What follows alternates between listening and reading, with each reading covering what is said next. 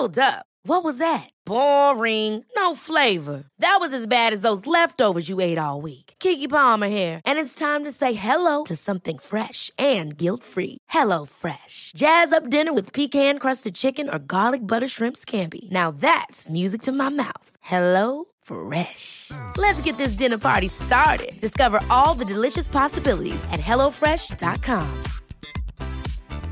Quality sleep is essential. That's why the Sleep Number Smart Bed is designed for your ever evolving sleep needs. Need a bed that's firmer or softer on either side? Helps you sleep at a comfortable temperature? Sleep Number Smart Beds let you individualize your comfort so you sleep better together. JD Power ranks Sleep Number number 1 in customer satisfaction with mattresses purchased in-store. And now, save 50% on the Sleep Number limited edition Smart Bed for a limited time. For JD Power 2023 award information, visit jdpower.com/awards. Only at a Sleep Number store or sleepnumber.com.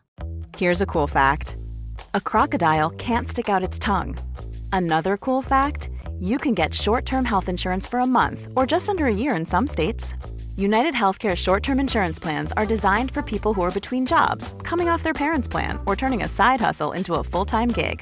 Underwritten by Golden Rule Insurance Company, they offer flexible, budget friendly coverage with access to a nationwide network of doctors and hospitals. Get more cool facts about United Healthcare short term plans at uh1.com. I can discuss some of the psychological aspects of the case. You've got to get a hold of yourself. Now, look here, Johnson, I'm going to get to the bottom of this. I can discuss some of the psychological aspects of the case. And you're really crazy, you know that? Oh, yes, I remember that. Is this any concern of yours? Stop, stop, stop it now. I mean it. Du må ikke tro på hjernen din. Den lyver. Vi er jo mennesker fulle av nevroser. Det som gjør oss til sjarmerende idioter. I discuss some of the I discuss some of the psychological aspects of the case. We don't have very long. Skyldfølelse er følelsen av å ha overtrådt en norm, altså gjort noe galt. Skyldfølelsen kan motivere oss til å gjøre det godt igjen, og er dermed mer konstruktiv enn skam, hvor selvet ofte blir ramma. Skam er på lag med et ubønnhørlig superego som rakker ned på oss i tide og utide, og veldig ofte uten god grunn. Skam er en følelse av at du ikke strekker til som menneske, er annenrangs, dårligere enn andre og alltid er et nummer for lite. Skam er en destruktiv fornemmelse av misnøye med seg selv, og det fungerer som en slags psykisk kreft på vår selvfølelse. Når du tar bolig i oss, er faren for spredning stor. Skyldfølelse er derimot en følelse som i utgangspunktet er mer prososial, hensiktsmessig og omsorgsfull enn skam. Personer med godt utviklet skyldfølelse har vist seg mer empatiske, altså at de har større innlevelsesevne enn andre. Skyldfølelse ansporer oss til å gjøre bot og bedring, og dersom vi ikke prioriterer oss selv, behandler oss selv dårlig og strekker oss for langt, bør man egentlig ha en slags omsorgsfull skyldfølelse overfor seg selv. I så tilfelle bør man ta grep og sørge for å pleie seg selv og gjøre det man trenger for å gjenvinne balanse. Det er dette vi gjør mot andre når vi har begått en urett. Imidlertid er det ikke så mange som har denne typen omsorgsfull skyldfølelse mot seg selv men isteden kobler det inn en kombinasjon av skam og superegokritikk når man ikke strekker til. Istedenfor å ta vare på seg selv, begynner man å kritisere seg selv for manglende mestring, dårlige prestasjoner, og kanskje man til og med blir overbevist om at man er et nærmest uverdig menneske. Jeg opplever at mange mennesker er veldig gode mot andre, rause, forståelsesfulle og tilgivende, men forholder seg som psykopater til seg selv. Det er et vesentlig problem, og kanskje kan man forstå litt mer av dybden i denne selvkritikkdynamikken ved å se på forskjellen mellom superego, skyldfølelse og dårlig samvittighet. Jeg mistenker at vi blander disse følelsene og psykiske instansene og dermed misforstår oss selv på mange skadelige måter. I dagens episode vil jeg forsøke å rydde opp i noen av disse misforståelsene og kjenne etter på den følelsen de fleste av oss vil unngå, nemlig skyldfølelse. Hey, what's up, Zia? Hey, nothing much. I just called to say hello. Oh, hello. Yeah, because if I don't call you, I never talk to my nephew. Eh. Listen, the remote control in the basement, it's no work. Your uncle's in a home. Can you come up, please, and take a look? Yeah, Z, I would, but I got people coming over for dinner in a little bit. That's okay. I go up the stairs. I watch the TV in the living room. Oh, yeah, why don't you just do that? Yeah, because of my age, I don't like to go up the steps. And God forbid I fall down, I'm breaking my hip, I'm a home alone. But it's okay, Titsy. I'll be all right. Don't worry about it. You guys want to come over my house for dinner Wednesday night? I would, but I have a show Wednesday night. Oh, it's okay if you're busy, Titsy. Don't worry about it. But we're going to see you next week at the party. Yeah, sure. Hopefully I'm still here next week, Titsy. Where you going? I'm gonna go nowhere, hopefully. I pray to God, the God that let me live another 10 to 20 years, but you never know, Titsy. Anything can happen. Listen, Z, I don't want to rush you off the phone, but people are going to be here any minute. I got to start barbecuing. Yeah, don't worry about it, Titsy. Go ahead. I'll be okay. I'm gonna wait in the basement by myself for your uncle to come home. Hopefully nothing happened, nobody break in, I don't have a heart attack. It's okay, Titsy, okay? I can discuss some of the psychological aspects of the case. You've got to get a hold of yourself.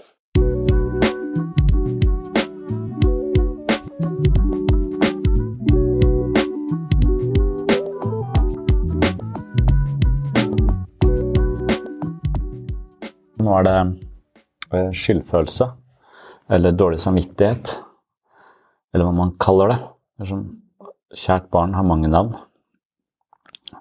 Angerfull eller botferdig, det er mange måter å si det på. Og så er det en ganske ubehagelig følelse, tror jeg, for de fleste.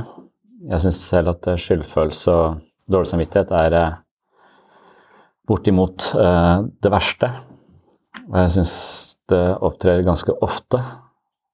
Og så tror jeg jeg har en vrangforestilling rundt den følelsen som jeg følte kanskje jeg har fått oppklart litt denne uka.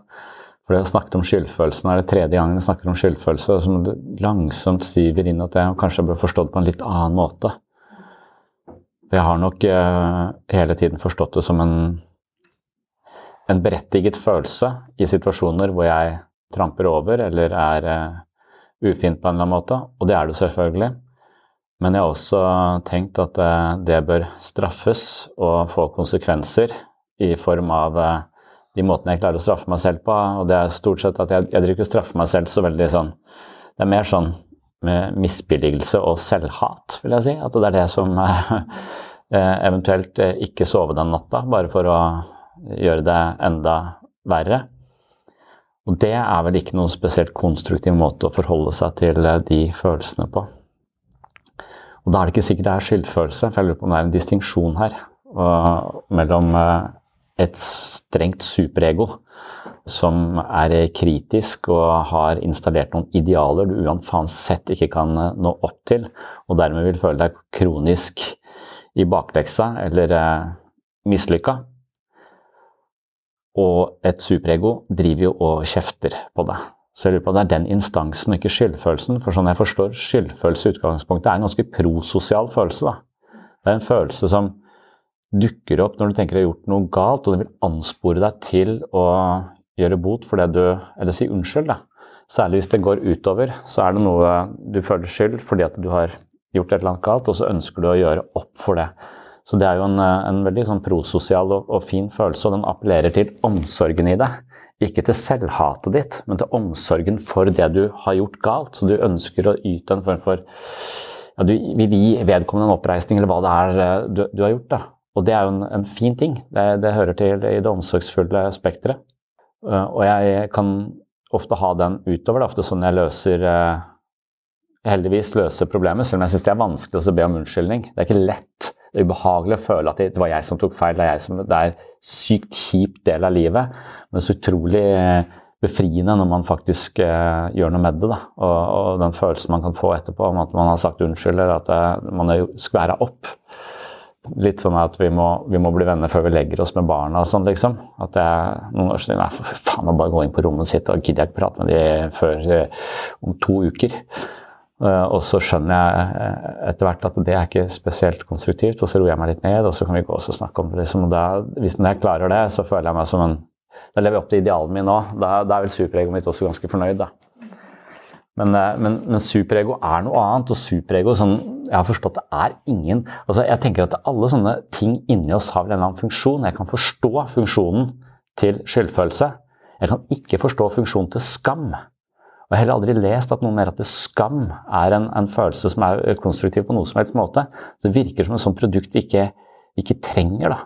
Uh, og, og, skam er vel en sånn, bare sånn følelse av at jeg er ikke god nok som det mennesket jeg er. Og det tror jeg også uh, handler om et eller annet superego som har fått noen idealer og noen krav som er såpass uh, stringente at uansett hvordan du vil oppføre deg, så vil du aldri kunne være god nok.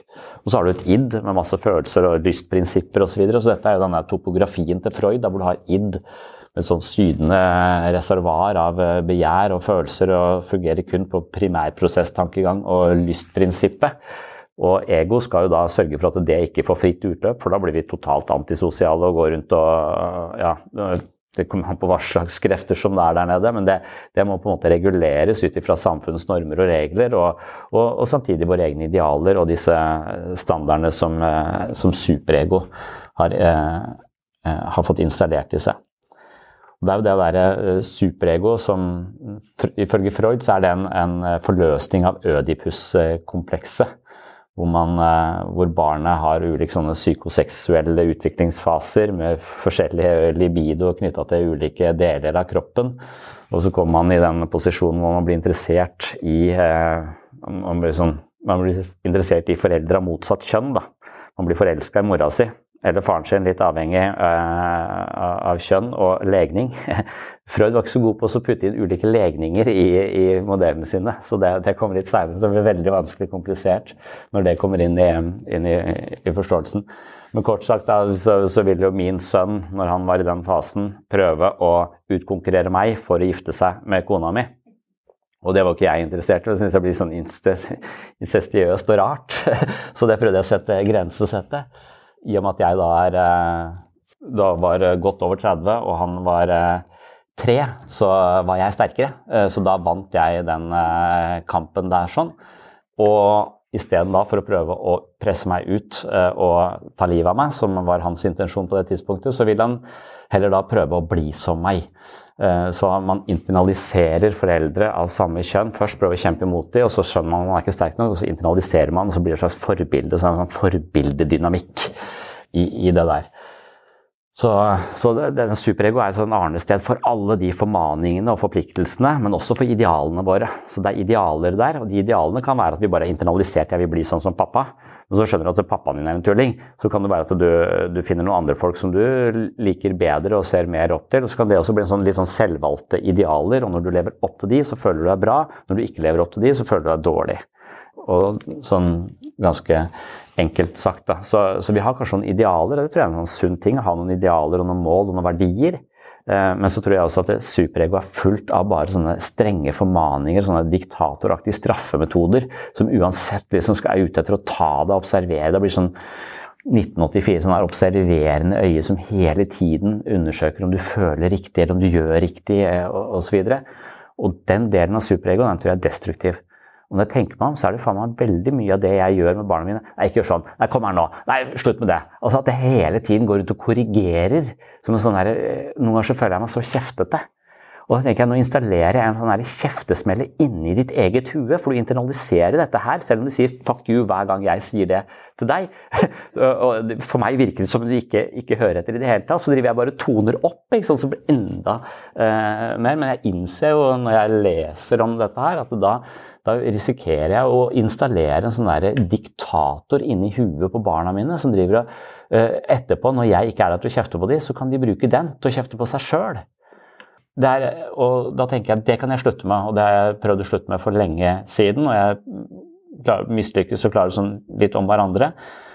Men da tenkte jeg i hvert fall at jeg har kontroll på hvordan jeg fucker opp barna mine. Det har jeg heller ikke. For det, jeg tror at det superegget også er fullt av sånne passatvinder som blåser fra kulturens side. Så at de blir målt og veid og ikke strekker til eller sammenligner seg. Alle de arenaene de blir målt og veid på. Eh, og, og hvordan de hele tiden blir vurdert og evaluert.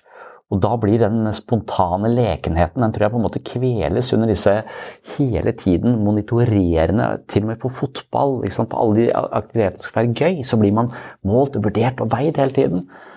Og jeg tror det også er eh, disse kravene som, som ligger liksom i, i, kulturen vår, det tror jeg også kommer til å At superego er som en svamp på de de idealene, og at de også kan eh, bli den pisken vi svenger over oss selv. Da. Og det tror jeg nesten er sånn nesten er, Jeg tenker ok, nå stemmer jeg. Det spiller sikkert ingen rolle hva jeg stemmer likevel, for eh, om det blir regjeringsskifte Ja, men, men, jeg tror sånne ting Du tror ikke at det påvirker livet ditt direkte, men jeg tror det er holdninger som på en måte har majoritet i samfunnet, som også kommer til å sive inn i livet vårt, og kanskje i psyken vår, på en eller annen sånn subtil måte. Så jeg, jeg er dritforbanna på dette systemet, for det skal hele tiden drive og måle og veie oss. Det er et tjukt lag av byråkrater som må finne på noe å gjøre, og da skal de evaluere hva som foregår nede på gulvet. De skjønner ikke hvordan de skal måle kvalitet, for det er nesten umulig å måle. Så hvordan de skal måle om relasjonen mellom uh, behandler og pasient er god, det vet jeg ikke noe om. Men de kan måle om behandler har skrevet epikrise, om de har dokumentert alle timene, om de har satt opp nye timer, om de har laget en, en plan. De kan måle alle sånne ting som ikke har noe med det møtet å gjøre, egentlig, men som er sånn shit vi da må drive med og bruke sykt mye tid på, sånn at vi får mindre tid sammen med de, de folka. Så de driver og måler noe, og vi føler oss hele tiden målt. Og hvis vi da internaliserer de målingene de gjør, som temperaturen på om jeg er en god behandler eller ikke. At hvis jeg får Sørlandet sykehus sin ledelse som mitt superego, så hadde ikke jeg hatt tid til å sitte her nå. Sånn. Da måtte jeg vært på kontoret og skrevet journal uh, og, og, gjort sånn, uh, en eller annen sånn prosedyre. Uh, og, så Dermed så er det så viktig å avsløre at de New Public Management, som det heter, i systemet her, kan feste seg i min syke som et superstrengt superego. Og jeg kjenner så mange som har New Public Management installert inni huet sitt der oppe. Og de blir utbrent alle sammen. De går rundt helt grå i trynet og føler seg totalt udugelige hele forbanna tida. Fordi de har fått installert det der systemet eh, oppi hodet sitt. Og Det er bare ett eksempel når du jobber i dette systemet. Du savner å jobbe på skole. Da, da skal du produsere karakter. Du skal, du, skal, du skal være sammen med unge mennesker i en viktig fase av livet deres prøve å skape nysgjerrighet, lekenhet, interesse for fag. Ikke måle hvor god du er der, der, der, der, der, der. Så dette, denne styringsprinsippene og målingsprinsippene har liksom kommet inn, og det er en høyrevridd idé. ikke sant? Det, det, det kommer fra de blå partiene. Så hvis vi da kommer over nå får et regjeringsskifte og kommer litt opp på de røde avdelingen, så kan det være at det minsker litt, og at det også hjelper den enkelte superego, håper jeg da. Men poenget mitt er bare at jeg, jeg tror Skyldfølelse i utgangspunktet er en omsorgsfull følelse, men den blandes med et strengt superego. Så når jeg får gjør noe som jeg mener ikke lever opp til de verdiene jeg kanskje har valgt selv, da, så får jeg en type skyldfølelse, men istedenfor å gjøre bot og bedring, så begynner jeg å rakke ned på meg selv og kritisere meg selv. Og når jeg kritiserer meg selv, for da kommer superego inn, akkurat som den bare ah, Skyldfølelse, det ligner på det jeg driver med, så da tar jeg bare over den saken her, jeg. For deg, så kan du bare Den der omsorgsfulle delen av den kan bare For nå skal, jeg, nå skal jeg sørge for at du ikke får sove i natt, og skal bade i et mørkt høl. Fordi at du er for, for å kjenne på hvor elendig du egentlig er, som pappa f.eks., eller hva, hva, det skal være. Så jeg tror superegoet vårt er som en sånn, sånn propp for alle andre positive følelser. Til slutt, hvis du har et strengt superego, så får du ikke lov til å være glad. Det blir Taliban. Altså Et strengt superego er Taliban. Vi har ikke lov til å danse, vi har ikke lov til å leke, vi har ikke lov til å si hva vi mener, vi har ikke lov til å le. Vi har ikke lov til å uttrykke oss i det hele tatt. Det er et Taliban-regime inni huet vårt som setter en propp på all spontan utfoldelse. Være leken til stede med folk. Jeg kan ikke si det, hva vil vedkommende tenke da, hvis den tenker sånn? Og da, det, så, så du, sterkt superego, så blir du oversensitiv for alt som kommer av impulser og ting du måtte tenke på å si. Du kan til slutt bli så handlingslamma at du ikke gjør noe som helst, for enhver bevegelse kan føre til en eller annen form for uh, skjevhet eller skakkhet som ikke lever opp til de standardene superego har satt. Og dermed så er du helt, uh, du blir helt handlingslammet. du blir apatisk. Uh, så til slutt så sitter du bare helt stille og får ikke gjort en dritt. Og superego kan jeg ikke se har noe særlig Jeg skjønner at det er sånn derre Ja, samfunns lover og regler internaliseres inni huet vårt, sånn at vi ikke blir antisosiale. Eh, men det, også, det at det hele tiden fungerer på det straffe deg hvis du gjør noe feil-prinsippet, istedenfor å ja, nå dreit du deg ut, men, eh, men, Og det var litt synd. Også ha en slags omsorg for Hvis andre mennesker driter seg ut eller gjør noe feil, så, så kan vi på en måte ofte Vi kan, vi kan tilgi dem, vi kan eh, forstå dem, vi kan prøve å hjelpe dem til å gjøre det annerledes vi kan jo vi kan være vennlig innstilt til andres uh, feiltrinn som enten skader dem eller noen andre. Det er sånn vi bør være overfor barna våre. Hvis vi bare kjefter på dem, uh, så, så, så, tror jeg vi legger grunn for det superegoet som kommer til å kjefte på dem selv etterpå. Og det er ikke spesielt altså, hvem, hvem, er det som blir mye bedre mennesker av å få kjeft, egentlig? Er det, er det altså, den, den, ideen at vi til og med har den installert i huet vårt som en lur ting, at vi skal hate oss selv hvis vi gjør noe feil? Altså, det er, det er ingen pedagogiske teorier i dag som syns at det er en lur idé. Å kjefte på, på, på seg sjøl. Jeg tror Martin Selingmann innenfor positiv psykologi i denne sjangeren her, da, som sier at det, det å korrigere dattera mi for alt hun gjør feil, det, det er ikke noe vits i. For det gjør hun selv. Han ser at hun, hun, skjønner hva som er feil, hva som er riktig. Hun prøver og feiler, og så korrigerer hun for det på egen hånd. At jeg skal påpeke det, eller, eh, eller hele tiden komme opp med en sånn pekefinger mot det som ikke er riktig, det har ingen hensikt. Men det å skryte av henne, vise at jeg er interessert, vise at jeg er glad i henne, motivere Alle de positive følelsene som er drevet av omsorg, de booster henne til at hun enda lettere korrigerer sine egne, egne feil. Det å påpeke andres feil det, det, tror jeg legger grunn for dette superegoet, som jeg tror kan hemme livet vårt på ekstremt mange måter. Og så tenker jeg men faen, altså, de gjør jo det med barna mine. Det går jo og korrigerer hele tiden. Ikke gjør det, ikke gjør det. Bare fordi at hvis du korrigerer nok, så blir det ikke saft utover hele bordet. Men det er litt bedre med saft utover hele bordet enn et langt liv med selvhat. det er, en liten pris å betale, hvis du, hvis du ser det i det perspektivet. For Det er veldig viktig å differensiere disse tingene. For jeg opplever egentlig i terapi, spesielt jeg, at jeg hele tiden ser etter eh, mønstre som jeg mener tar vedkommende til et helt feil sted i livet sitt. Og påpeker det. Men når du tenker sånn, når du gjør sånn, du havner jo der hele, hele tida, på en måte. Og, og, hvis man da tar det til sånn ah, Hvis du, du, bruker det som innsikt eller eh, Nei, det er helt feil, du misforstår meg, det kan godt hende. Men hvis du vurderer det som mulige alternativer, og vet at alt jeg tenker og føler er feil, sånn at det ikke blir så tungtveiende, så kan du kanskje sjonglere nye, nye, ideer om deg selv. Men hvis du har et superstrengt ego, så vil du sannsynligvis ta alle mine eh, innspill eventuelt eh, til inntekt for mer selvhat. Da får jeg ikke til dette heller, da. Ja, da er jeg helt udugelig, da. Ja. Eh, nå sa han det. Ja, sånn at det også blir, eh, blir eh, liksom bare eh, spiller en altså, det, det, tenkte jeg på i dag, liksom. At, det, at, når man gir folk tilbakemelding, spiller man da den samme melodien som superego spiller? Altså den indre kritikeren? Eller spiller man en melodi som er mer omsorgsfull?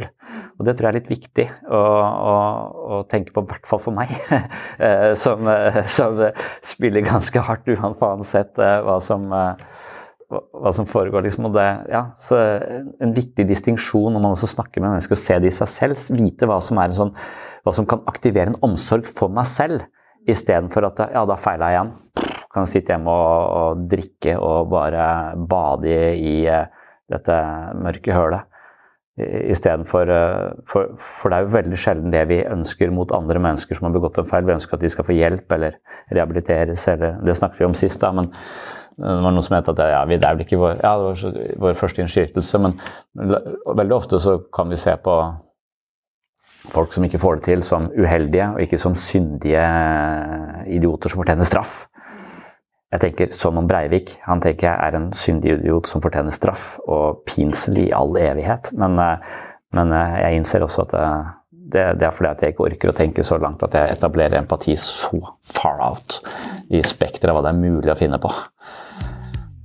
En kjempeviktig distinksjon også, for, for, nettopp for akkurat det der at den er dynamisk. At den skyldfølelsen ønsker den, den, vil noe, men det er ikke sikkert vi klarer det. For at, fordi at den altså, Terskelen min for å si unnskyld er også ganske høy, selv om jeg er veldig fornøyd når jeg klarer å, å, å, å gjøre det. Men, mens eh, skam er en følelse du primært ønsker å skjule. Det er, en, det er, en, følelse du primært ønsker å holde unna så folk ikke skal se. Du prøver å holde folk på avstand så de ikke kommer nærme nok, så de ser hvor denne skammen, som ofte er diffus Det er ikke sånn at jeg er dårlig fordi jeg ikke er, eh, er sterk i musklene mine. Det er, det er, ikke sånn, det er ikke spesifikt knytta til noe ved en selv. Skam er ofte en sånn følelse av at jeg er ikke god nok i min natur som vesen. Det er noe med essensen av meg som ikke strekker til eller er like bra, eller rett og slett er belastende eh, for andre. Men på direkte spørsmål så er det ofte vanskelighet med å svare på hva det er. Det er en slags sånn tåke av misnøye med seg selv. Eh, og den prøver vi å skjule, og dermed prøver vi å fremstå som noe annet hele tiden. Og den der diskrepansen mellom det å hele tiden prøve å spille dette skuespillet, det er det som gjør så jævla slitne da, i møte med andre, med andre mennesker også. Så skammen det er, det er, en følelse som ansporer oss til å prøve å holde det skjult for andre. Sånn at vi kan bli vårt eget lille ekkokammer av selvhat. Sånn at vi ikke kommer til å si noe om det til andre som kanskje kan komme med korrigerende eh, innspill. Hey, I'm Ryan Reynolds. At Mint Mobile, we like to do the opposite of what Big Wireless does. They charge you a lot we charge you a little. So naturally, when they announced they'd be raising their prices due to inflation, we decided to deflate our prices due to not hating you. That's right. We're cutting the price of Mint Unlimited from $30 a month to just $15 a month. Give it a try at mintmobile.com slash switch. $45 upfront for three months plus taxes and fees. Promote for new customers for limited time. Unlimited more than 40 gigabytes per month. Slows. Full terms at mintmobile.com. Ever catch yourself eating the same flavorless dinner three days in a row? Dreaming of something better? Well, HelloFresh is your guilt-free dream come true, baby. It's me, Gigi Palmer. Let's wake up those taste buds with hot, juicy pecan-crusted chicken or garlic butter shrimp scampi. Mm. Hello Fresh. Stop dreaming of all the delicious possibilities and dig in at HelloFresh.com. Let's get this dinner party started. Many of us have those stubborn pounds that seem impossible to lose, no matter how good we eat or how hard we work out. My solution is PlushCare. PlushCare is a leading telehealth provider with doctors who are there for you day and night to partner with you in your weight loss journey. They can prescribe FDA-approved weight loss medications like Wagovi and Zepbound for those who qualify. Plus, they accept most insurance plans. To get started, visit plushcare.com slash weight loss. That's plushcare.com slash weight loss. Så, så snakk med, med, folk du liker, ikke sant, som hater seg selv. Det er en merkelig diskrepans. For det, det, det er ja, akkurat som jeg når jeg var i, i ulike menigheter og mente at jeg hadde bedre argumenter enn de hadde for at Gud ikke eksisterer, og de mente at Gud eksisterte. Og så, så strev jeg og den ballen fram og tilbake i det uendelige. Øh, men, men, på andre ting også. altså Det å snakke med, med, med sånne klimafornektere, da. Altså, hvis 98 av alle som kan om dette, mener at dette er menneskeskapt, er, hvorfor tror du på de Og de to prosentene som ikke mener det, de mener helt forskjellige ting. Så de er ikke samstemte, de to prosentene heller. Er, altså, hvorfor skal du altså, er, men, men, det er ikke mulig å overbevise. ikke sant? Eh, og sånn er det med folk som sliter med skam. Det er ikke mulig å overbevise dem om at ja, men jeg liker det. Ja, da har du dårlig smak, tenker de bare da. så det er sånn ja, jeg vet, jeg, jeg vet, ikke om det er noe godt norsk ord på det, men i ACT, eh, noe som heter Acceptance and Commitment Therapy, så kaller de det diffusion. De er veldig opptatt av å, å skape altså diffuse, altså vi skal eh, ikke lenger identifisere oss med det. For jeg tror nesten alle følelser har en funksjon. Sinne har selvhevdelse, men med en gang du blir for tett på den og ikke klarer å kontrollere den, og den får lov til å definere deg som en sint person, liksom, som et ondt menneske nærmest, som, så, så, så, så, det å skape avstand til det og det å skape avstand til skammen også det er, for at det, jeg, jeg, vil, jeg vil nesten se på det sånn Skam er som kreft. Og når jeg kjenner flere som har kreft for tiden, altså, jeg tenker ikke på at det, du er kreft. Du har en kreftsvulst som vi skal få vekk med cellegift og stråling og hva faen uh, vi skal ta det, ta det vekk med, men det skal vekk. For det er ikke Det er en, en, en, noe som du er ikke kreftsvulsten. Kreftsvulsten er noe som har rammet deg, som er på deg, som vi skal ha vekk. Veldig lett å føle at man er kreft også, for det er det de snakker om. De sier at jeg, nå er jeg inne i denne kreftidentiteten igjen. Nå er jeg blitt dette kreftmennesket eh, som har det, hatt det før. Jeg, jeg, skjønner at du identifiserer deg, men på, på, samme måte så mener jeg at de der ideene du har installert fra New Public Management, fra overdrevent strenge foreldre som hadde overdrevent strenge foreldre, som kom fra en annen tid, altså, og, og alt det som er inni det dette er ikke en fysisk kreftsvulst, men det er en mentalt konsept som styrer deg like fullt. Og det å se på det som, et, eh, som en psykisk kreft, da, Noen, noen psykiske ideer er med på det. er et operativsystem, det er viktig å ha det, men noen av det er jo virus i operativsystemet som fucker opp hele livsførselen din. Å se på det som det er å skape avstand til det. Dette er ikke meg. Dette er noe som er, er installert liksom i Jeg lurer på om ja, ja om superego blir blanda inn der, så, men, men skyldfølelse, akkurat som alle andre følelser, kan vel ikke slå feil. da, At skyldfølelse er utgangspunktet en følelse som, som har en, en, veldig sånn omsorgsfull eh, eh funksjon. Mens den kan, frykt har en slags beskyttende funksjon, så kan frykt også føre, være helt totalt feiljustert, sånn at du får frykt i altfor mange, mange situasjoner. Og det er jo folk som har sånn overlevelsesskyldfølelse. altså Flyet styrta, halvparten døde, og jeg overlevde. Og så har man skyldfølelse for at man overlevde. Eh, så, så, Det finnes jo veldig mange sånne svært irrasjonelle og Da kan dette utvikle seg altså Da kan du få kreft i skyldfølelsen, nesten sagt. Og Kreftmetaforen syns jeg fungerer på veldig mange ting. Jeg syns det fungerer på også, også, New Public Management i offentlig sektor. Altså at eh, Her er det Plutselig det ansatt en mellomleder som skulle hjelpe lederen og som etter hvert ikke helt vet hva han skal gjøre, men genererer så mange arbeidsoppgaver for seg selv at han til slutt blir overarbeida. Så må ansette en ny eh, eh, eh, leder under der igjen, som så ikke helt vet hva han skal gjøre, som genererer nye arbeidsoppgaver. Så, så hele det byråkratiske laget mellom det vi faktisk skal gjøre, å hjelpe pasienter, kontra det å administrere et foretak, helseforetaket, som om det, det ja, det, det, er, noe som genererer seg sjøl. Det bare lager seg selv flere. Det blir bare større og større og større. Det lever sitt eget liv, og det, og det utvider seg. Og det er eh, lett å få, men jævlig vanskelig å bli kvitt. Akkurat som ugress. Poenget vil jo da være at eh, hvis du tar det, altså En kreftsvulst vil jo påvirke hele systemet også. For det, nettopp denne byråkratiske kreften den, den, genererer arbeidsoppgaver for oss som vi opplever som meningsløse, og ikke har, flytter noe som helst i den virkelige verden. Og ikke har noe helst, som helst med det, de menneskene vi møter å gjøre. Så det, så det, at vi har en kreft, det vil også påvirke hele energien. Vi får en sånn fatigue i hele systemet. Så, så vi er så utmatta av meningsløshet. Dette er jo totalt meningsløst. Jeg tror Derfor ingen snakker om det. for jeg, jeg, tror innerst inne noen vet at de gjør meningsløse ting.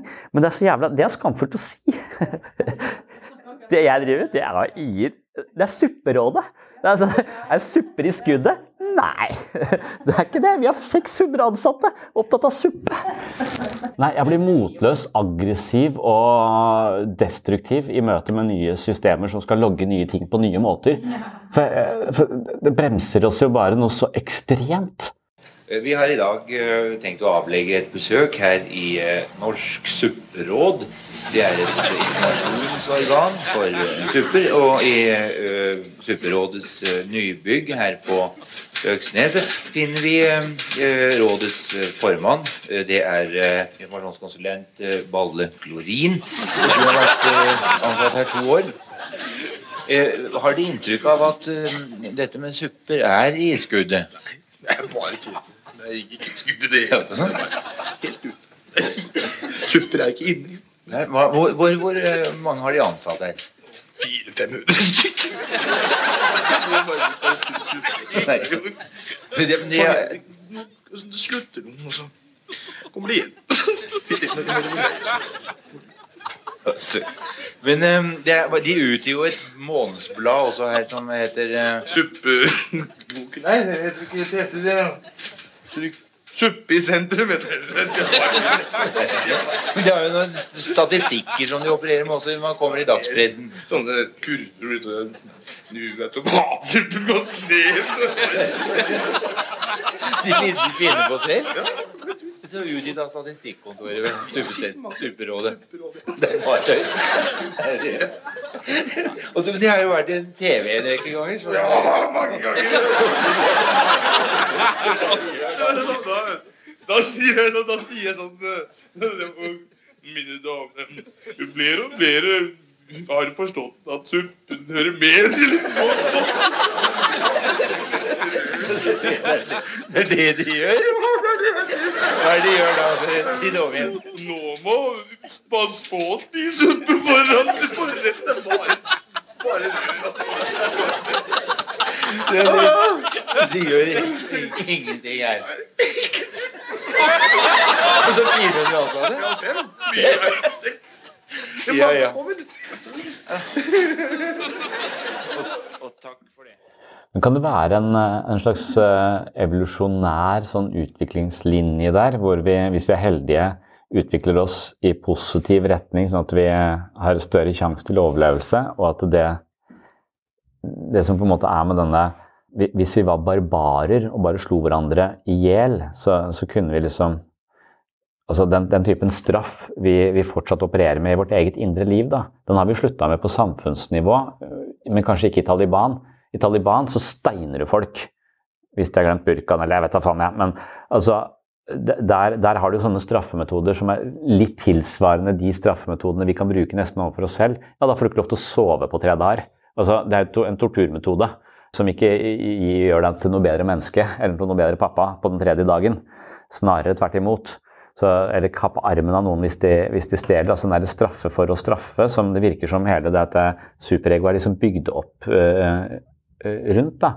Så den tankegangen om at vi skal at ikke vi ser på Sånn som vi snakket om fri vilje. Hvis vi ikke har noe fri vilje, så er vi heller ikke skyldige. Eh, på en måte, og vi er, eh, vi er heller uheldige fordi vi har dette handlingsmønsteret. Eh, og kan vi da få en type omsorg for at vi handler på denne måten, og kan vi gi oss selv den omsorgen istedenfor å kappe handa oss sjøl? Så det virker, men, men det virker som om vi samfunnsmessig har blitt altså Vi går mot en mer sivilisert verden. Eh, og man sier ja, det er fullt av fuck up hele tida. Det er det. Men eh, Steven Pinker, som er sånn eh, positiv tenker, han sier at hvis du bare går 100 år tilbake i tid, så scorer vi nå bedre på de fleste parametere. Altså, vi lever lenger, det er mindre krig, det er færre folk under fattigdomsgrensa, det er færre folk som sulter osv. Så, videre. så summa summarum så går vi, går vi i en riktig retning, men så kan vi ødelegge hele planeten. Så det er en stein i skoen, selvfølgelig. Men, eh, men, men at, vi, at det, er en, det er en utvikling hvor vi også går til det bedre, og vi blir mer siviliserte. Vi, eh, vi har et demokrati istedenfor et diktatur i verden der ute. Fortsatt diktatur i huet. Altså at, at, at, vi, at det bare henger litt etter, da, dette mentale apparatet.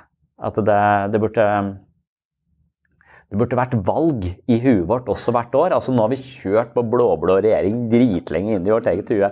Vi, vi får straff og Eller vi har egentlig kjørt på diktatur inni vårt eget hode nå lenge. Nå det- skal, vi, skal vi kjøre valg. Ja, jeg, det, og det er jeg helt enig i.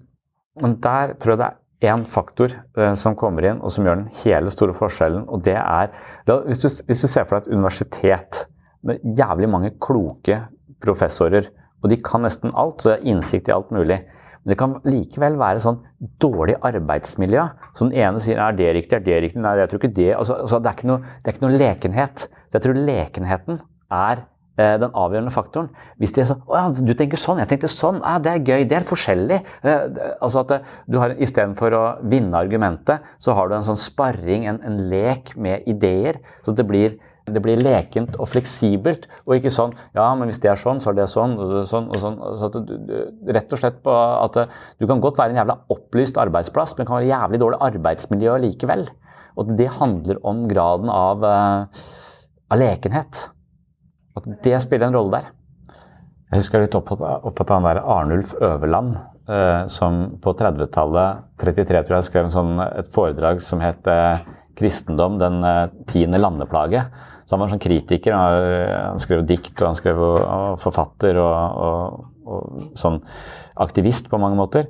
Men han, han ble stilt dette spørsmålet i et intervju, som jeg skrev, og da, da fikk han spørsmålet Får du dårlig samvittighet hvis ikke du skriver? Og så ser han det sånn, sånn som de snakker om det. Jeg har alltid dårlig samvittighet. Eller jeg har alltid vond samvittighet, sa han. Og det kommer av at jeg har så god oppdragelse. Eh, og det er et eller annet med Ja, du har så god oppdragelse at alt du gjør, blir helt sånn stivt. Og, men han var jo han var en revolusjonær. så han, han, Jeg tror han hadde skjønt han sa det, men han sa det som om han mente det. Men akkurat som han også underforstått nettopp på denne gode oppdragelsen. nettopp på denne og det er, litt, det er derfor jeg liksom hele tiden har hangt til disse komikerne. og sånn. Altså, mange komikere er ganske kloke. De leker med de ideene. Og så kan du møte en professor som liksom har eh, dress og, og liksom skjegg og briller på nesa. Eh, og så er det ikke noe lekenhet. Du må bare snakke med han. er bare sånn Å, fy faen, nå følte jeg meg dum. Eh, det, det, det går ikke an å leke. Han har innsikt, men innsikten er ikke leken. Den innsikten er streng. Og har de dårlig samvittighet hvis de ikke skriver? Jeg har alltid ond samvittighet. Det kommer av at jeg har fått en så god oppdragelse at jeg tror at det jeg gjør, det er galt. Så hvis du alltid går ut med dårlig samvittighet, så er det fordi du har ordentlig god oppdragelse.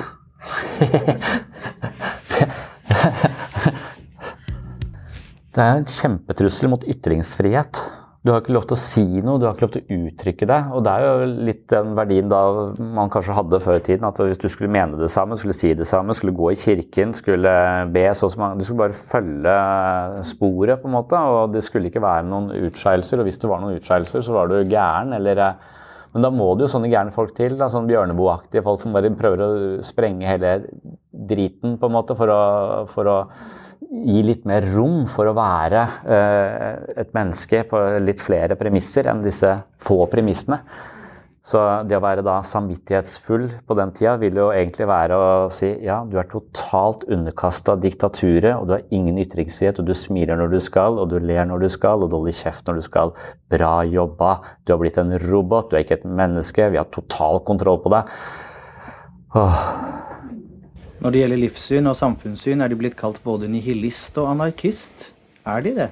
Jeg tror nok at jeg med ganske god samvittighet kan si at jeg er anarkist. Der kommer også hele frihetsproblematikken inn i bildet, nemlig at frihet, som man holder på å erverve seg, det er ikke bare Det er ikke egentlig riktig synes jeg, å snakke om frihet under ansvar, fordi det finnes ikke frihet uten ansvar, og det finnes heller ikke ansvar uten frihet. At det i grunnen er praktisk talt samme ting. Velger man frihet, så velger man ansvar samtidig. Man kan ikke se ut av verden. Man har og man er aldri så fri fra borgerlige besvær og bekymringer, så beholder man i alle fall ansvaret for sitt eget liv. I den grad man har frihet.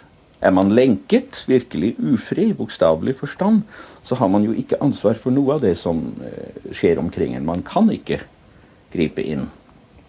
Har man frihet, så følger ansvaret automatisk av seg selv. Men det står liksom, når man leser om det som heter samvittighetsangst, så er det ofte en konflikt mellom uh, moralske verdier og osv. Og, og påbud og sånn som er installert i superego, kontra, kontra våre egne impulser og følelser, eh, kontra det samfunnet krever eller ikke krever av oss. Og Da er det en åpenbar konflikt når, når, du kommer fra en annen kultur og flytter til Stovner. og Det, det er liksom demonstrert i jeg sett, ser det som et sånn eh, 13, 14, 15, 16, 17, 18. og det er 18, Du følger en gjeng fra Grorud eller Stovner eh, som er eh, andregenerasjons innvandrere til, til, Norge, hvordan de kommer fra en familie med noen eh, ekstremt eh, strenge, ofte religiøse krav og, og, respekt for de eldre. og Det er mange sånne verdier som ikke gjenspeiles i det samfunnet og den skolen de går på. Så det er en veldig clash mellom, mellom eh, der de oppholder seg sammen med venner, og, det, og hvordan de har det hjemme. hos seg. du ser konflikten er så tydelig. Eh, og så tenker jeg ja, det er integreringsproblematikk, men egentlig så er det den samme integreringsproblematikken for mange mennesker som kommer hit. For når de er da, når de lever på 1850-tallet i sitt eget hode, og de fortsatt er Så det blir sånn Beforeigners-greie. Har du sett den serien hvor det plutselig dukker opp folk fra andre tidsaldre og skal drive og blande de sammen? Og det er litt det som, som skjer i vårt eget hode, at vi har eh, verdigrunnlag og eh, krav og formaninger og ideer som stammer fra en svunnen tid, som er adoptert fra våre foreldre, fra deres foreldre osv. Var det å skulle vaske gulvet fire ganger om dagen som var lurt når vi ikke hadde antibiotika? Det bare henger igjen, og nå kaller vi det OCD, så må du inn og vaske hendene i do for å bli kvitt den måten eh, å være på. For du, du, henger igjen på, eh, på 1730 i hodet ditt på akkurat det elementet. Og noen har da et superego som, som driver og straffer, som en mørk middelalder, liksom. Eh, som, som, nå plutselig skal dukke opp i, i et liberalt 2021. Eh, det er jo vi, vi, vi, får sånn beforeigners-problematikk i gruppeterapi. Hvor, hvor, folk sier Oi, faen, jeg kom til en helt ny tidsalder. Jeg, og det er greit at du kommer fra en helt annen kultur. Det er så tydelig for de som kommer fra Afghanistan og flytter til, til Norge. Her er det to forskjellige kulturer. Vi må prøve å, å, å finne en, en, middelvei her. Mens uh, veldig mange som tilsynelatende har vokst opp i Norge, eller har vokst opp i Norge og er uh, erkenorske, altså kanskje de er fra Sørlandet, de skal plutselig da uh, flytte inn i en, en tidsalder. Så de, de, ikke, de, har ikke fått den installert i hodet sitt. De fikk et annet operativsystem.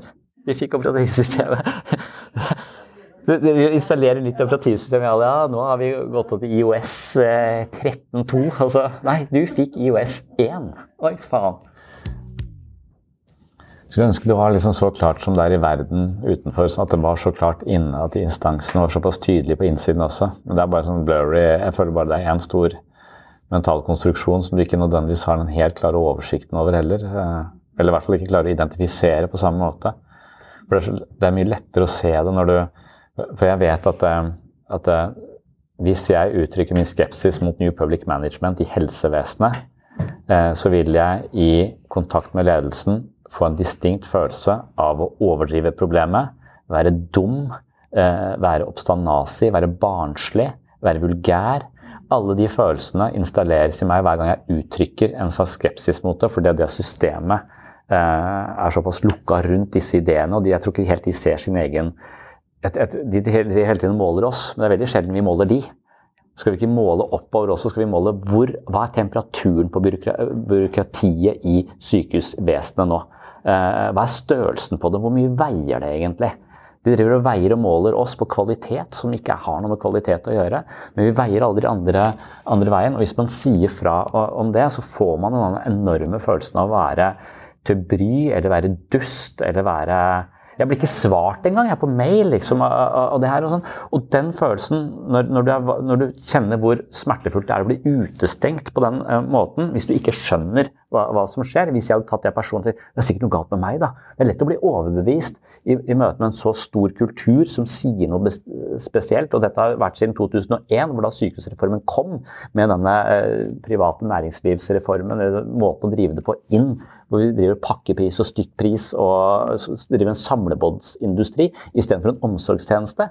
Og hvis du sier det, så føler du deg totalt utafor. Så jeg lurer på om det er sånn inni Hvis jeg sier Hvis man plutselig aldri har sagt noe om hvordan man føler ting, eller sin egen skam, eller noe sånt, så vil det sikkert være som å ja, å kle seg naken eh, midt i en forelesning med masse folk. Altså, det, det, er omtrent like unaturlig, og du føler deg like dum etter at du har gjort det.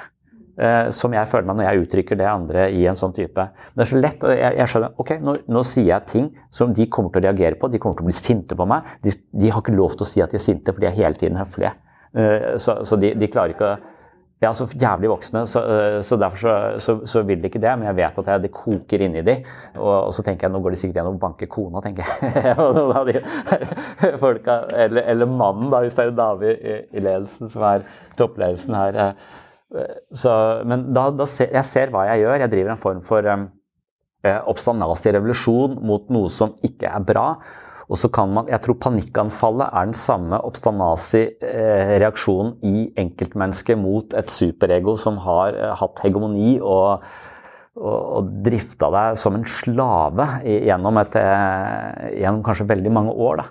Så panikkangsten kommer ikke som en sånn jævlig ting. Og den må vi dempe. Ja, den superego sier du må dempe den og bare oppføre deg og være ordentlig. Men dette her er revolusjon. Du må bli med på denne revolusjonen. Så det ville være en annen måte å tolke altså, det, Du har ikke blitt syk, du har ikke fått en sykdom. Det har, det har oppstått revolusjon i deg. Om du er ikke med på det, derfor kjenner du det bare som en storm i brystet. Men nå er det egentlig noen krefter på gang her som er dritlei av å bli piska rundt og finne seg alt faenskap, ikke ha ytringsfrihet i det hele tatt. Men så kan det være at du er så hjernevaska at du tror du skal være sånn. Du tror uh, at de stemmene er overbevist om at ja, jeg er dårligere enn andre. Jeg, er, uh, jeg fortjener ingenting. Jeg fortjener ikke bedre. Så det er mange som har de stemmene og så er rett og slett ja, er totalt hjernevaska. Og det er kjempevanskelig. Da, som konspirasjonsteoretikere er veldig vanskelig å overbevise om noe annet. Nei, Det var den forrige fredag for noen uker siden jeg var i dette fora hvor jeg utagerte og utbasunerte dette på verst tenkelig vis i en setting med masse funksjonærer. Og, og det, nå, I går så fikk jeg noe i posten, jeg fikk en bok av de som arrangerte det, og den het 'Sinnapsykologen'. Og Det er en bok skrevet av ei dame som klikka på New Public Management. Så hun eh, hadde en pasient som kom med en kurv med egg på døra og begynte å kaste egg på DPS-et hvor hun jobba. Og så gikk hun ut for å snakke med vedkommende, og så skjønte hun hvorfor vedkommende kastet egg, så hun begynner selv å kaste egg på, DPS, på sitt eget DPS. Og går helt av. Den boka fikk jeg tilsendt fra en sånn anonym kilde på, etter, etter den der seansen eh, på denne, på denne fredagen. Men jeg, jeg, lurer på også på, altså, på på 70-tallet og før 70-tallet. Og veldig mange kulturer har sine egne rusmidler for å kanskje Og dette med, med disse mer psykedeliske stoffene, som ble primært gjort forbudt av eh, den katolske kirke, fordi folk mente at de plutselig på eh, sopp kunne kommunisere med Gud. Og kommunisere med Gud det skulle ikke de gjøre, for det var det de som hadde patent på. Og det var det de tjente penger på. Så nå må jo folk må for all del ikke kommunisere med Gud via denne soppen. Så, så, da forbyr vi alt som har med det å gjøre, så vi kan ha kontroll på dere, og dere kan gi oss penger, så vi skal gi dere frelse.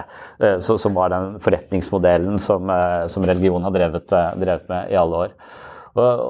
Litt det samme som at når du er så fanga av disse diktatorene, hvis du, om disse psykedeliske stoffene kan liksom bare fungere som en, eh, som en, slags eksplosjon. Eh, at det er det som, Når det mikrodoseres og brukes i terapeutisk hensikt, så er det vel for å løfte perspektiver og vise deg de sånn virkelig, bare sånn rett foran deg, liksom. Hva, hvordan du lever. altså Det, er som å skyte deg ut av den, det diktaturet du eventuelt bor i, og får deg til å se det utenfra. og se at det, Eller ut av denne denne Platons hule, da, for å se at det her er det andre, andre perspektiver. Jeg, men det har også vært forbudt sant, i så, så, lang tid. Jeg tror det er et sånt kollektivt superego som har forbudt det der, for de vet at de kan bli avslørt hvis det der eh, blir mulig å, å, bruke. Ja, det er eh, Og alle som bruker det, ser vi på som eh, helt skakkjørte radiser raddiser med hippietilbøyeligheter og ingen fremtid. og hvem er det som sier det? Det er superego. Det der gjør ikke han òg. Det kan oppdage, det kan avsløre oss.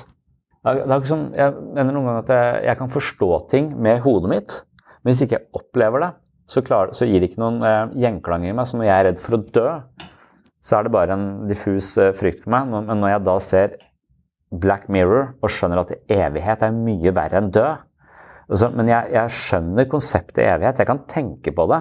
Men det er ikke før det dramatiseres for meg og treffer meg rett i hjertet. Jeg skjønner hvor jævlig farlig evighet er. Eh, og Det klarer jeg ikke å forklare hvor farlig evighet er. Hvis du ikke skjønner hvor farlig evighet er, så får du ikke sove på noen da når du virkelig skjønner hvor farlig det er. Så, så da, da Eh, da er det som om de, de, kan demonstrere det på en annen måte enn bare med innsikt. For at vi kan ha innsikten, som du sier, men de gjør ikke noe forskjell. Det er derfor det, det må enten kunst, kultur må dramatisere det for oss, så vi skjønner det gjennom historier. Altså gjennom George Orwell 1984 så kan du skjønne hva du driver med med deg selv. Når du er den der eh, politistaten som observerer alt vi driver med, og vi har ikke lov til å være forelska, for det er en forstyrrende følelse for ro og orden i samfunnet. Så, så kjærlige følelser må vi ha uten. Sånn er Vi har den samme noen har den samme i seg selv. ikke sant? Og når, du lager et drama om det, og vi kaller det for Big Brother osv., så, videre, så, så, så synliggjør det Å, faen! Det er sånn jeg er i meg, i meg sjøl. Så, så det, må, det, må, avsløres. Men det må avsløres med følelser. Du må føle.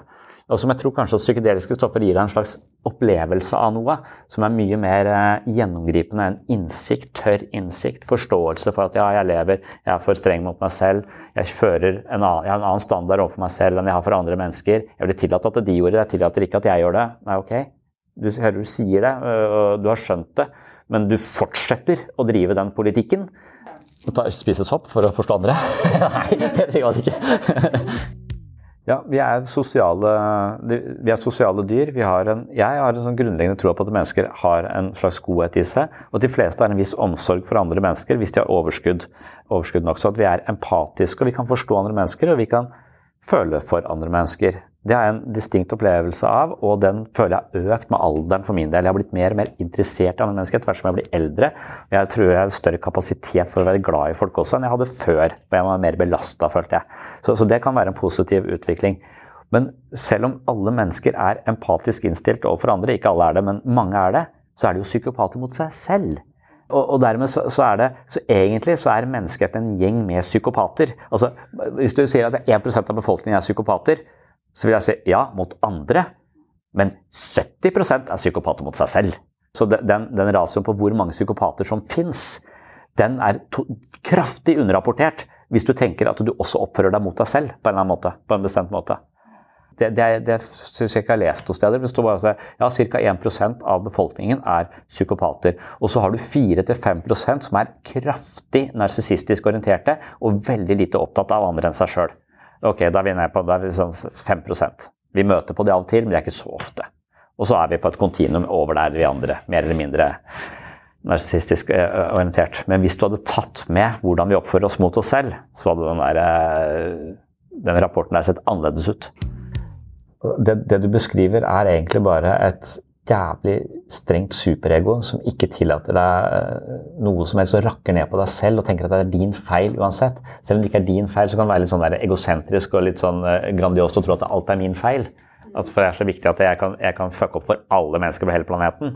Altså, så, så, feil kan du ikke klare å ta. Litt, men likevel så er det bare å få kjeft og få skylda for alt. da.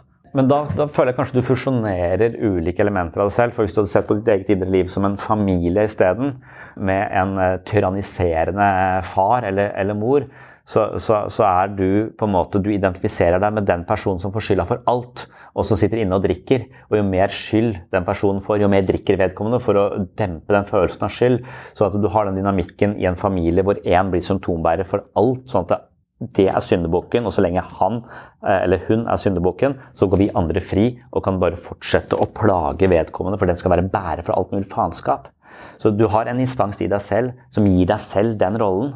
Så da må vi igjen litt ut og finne ut av hvilke deler kommuniserer med hvilke deler i deg selv på en på, på hvilken måte. Akkurat I den familien som er ditt eget indre liv, da, så må du kanskje flytte inn en ny person. Er, eller akkurat som i et parforhold så må du flytte inn en parterapeut som ser dette utenfra. Hvis du flytter inn med en, med en ny innsikt som mener at den ser tingene mer eh, klart, så vet du ikke om denne nye personen som kommer inn og ser på deg og har forstått deg selv, også er en diktator. Viser seg å være en, en diktator som først forstår hva som foregår, men så bare installerer et nytt regime. Eh, du får ikke lov til å tenke sånn, du får ikke lov til å tenke sånn, nå skal du være blid, nå skal du holde, uh, holde, kjeft. Du skal ikke kjefte så mye på han. Uh, han har ikke skylda for alt. Så, Så, så, du får en ny en som du tror på fullt og helt. Så derfor igjen så må du ha en person inn som er sånn Alt du tenker og føler er feil. Demokratiet er det beste vi har. altså Summen av alle disse stemmene blir det vi som helhet mener. Vi tror ikke på noen av dere. Vi tror ikke på diktatoren. Alt han sier er ikke sant. Alt det partiet sier er ikke sant. Det er som du tar et valgometer, så er du litt enig med alle partiene, men så er du mest enig med det, så du stemmer ditt. Og så er det noen som er mest enig med det, så får vi en summen av disse her, er det vi mener som organisme. Vi må installere en eller annen form for eh, hvor alt det, alle, alles perspektiver er litt riktig og litt feil. Så det er den holdningen vi må ha inn. For hvis vi tror på den nye diktatoren som kommer inn og har løst dette, en sånn guruaktig parterapeut som bare, som, det kan jo risikere at det er en sånn Ja, eh, bare han Varhaug, da, han psykologen som eh, bare misbrukte folk og installerte falske minner i hodet på dem, og til slutt seksuelt misbrukte pasientene sine. Det er jo det han drev med. Han kom inn og skulle gi dem innsikt, og de skulle gruble og se, og han var liksom var i kraft av sin rolle da, misbrukte folk til de grader. Er helt jævlig.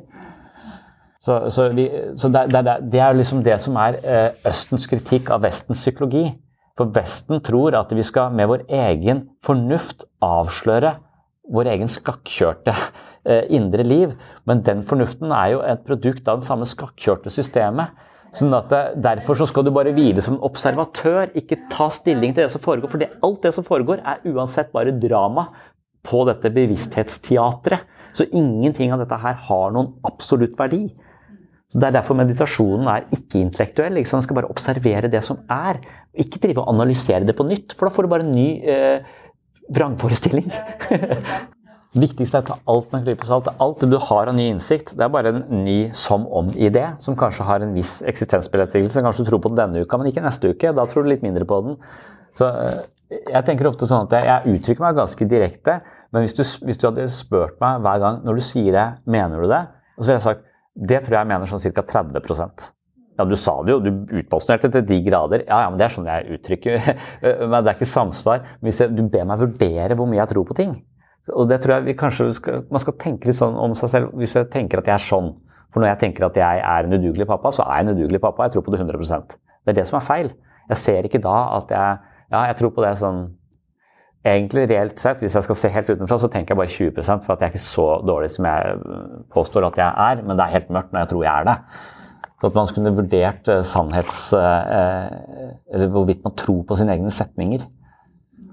Og hvis du er oppe på sånn 90-95 tro på egne setninger, så, du, så, lever du i en vrangforestilling. Eller det er ingenting som er så sant.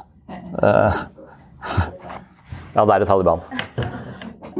I can discuss some of the psychological aspects of the case. You've got to get a hold of yourself.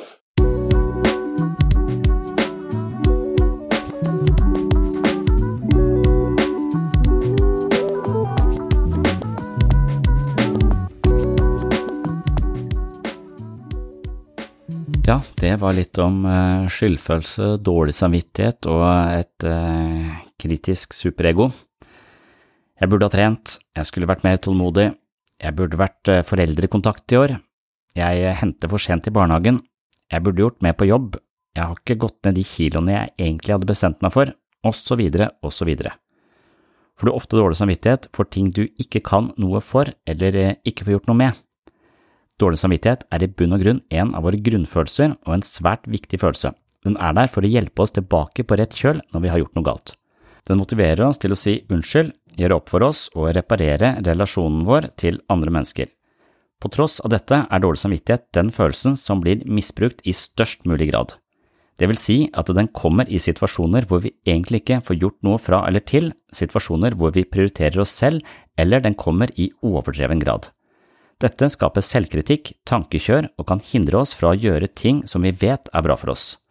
Vår samvittighet er laget for å hjelpe oss, men ender ofte opp med å bli et hinder for vår livskvalitet.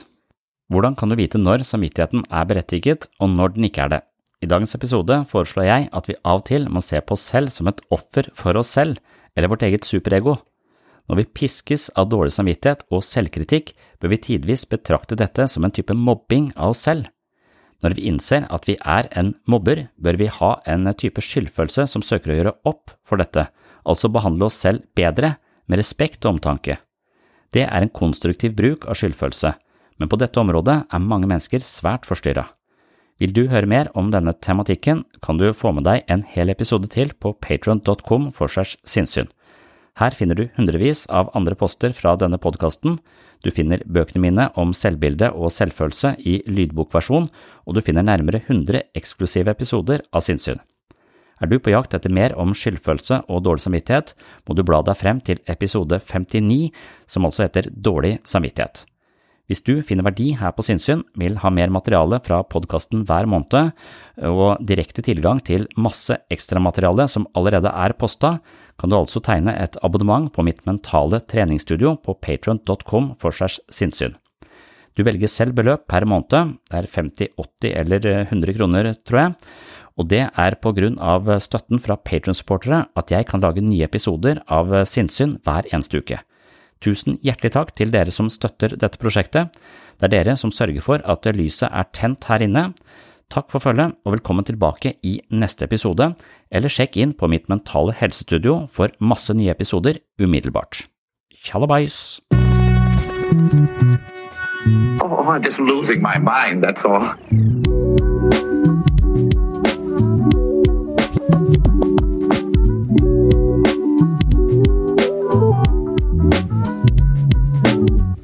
Discuss some of the I can discuss some of the I can discuss some of the psychological aspects of the case. Psycho, psycho, psychological aspects of the case.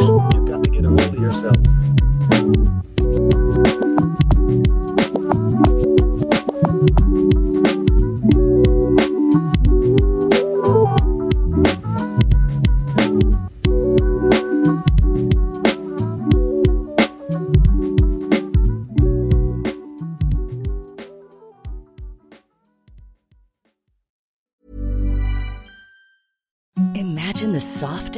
You've ever felt. Now imagine them getting even softer over time. That's what you'll feel with Bowl and Branch's organic cotton sheets. In a recent customer survey, 96% replied that Bowl and Branch sheets get softer with every wash. Start getting your best night's sleep in these sheets that get softer and softer for years to come. Try their sheets with a 30-night guarantee. Plus, get 15% off your first order at bowlandbranch.com. Code BUTTERY. Exclusions apply. See site for details.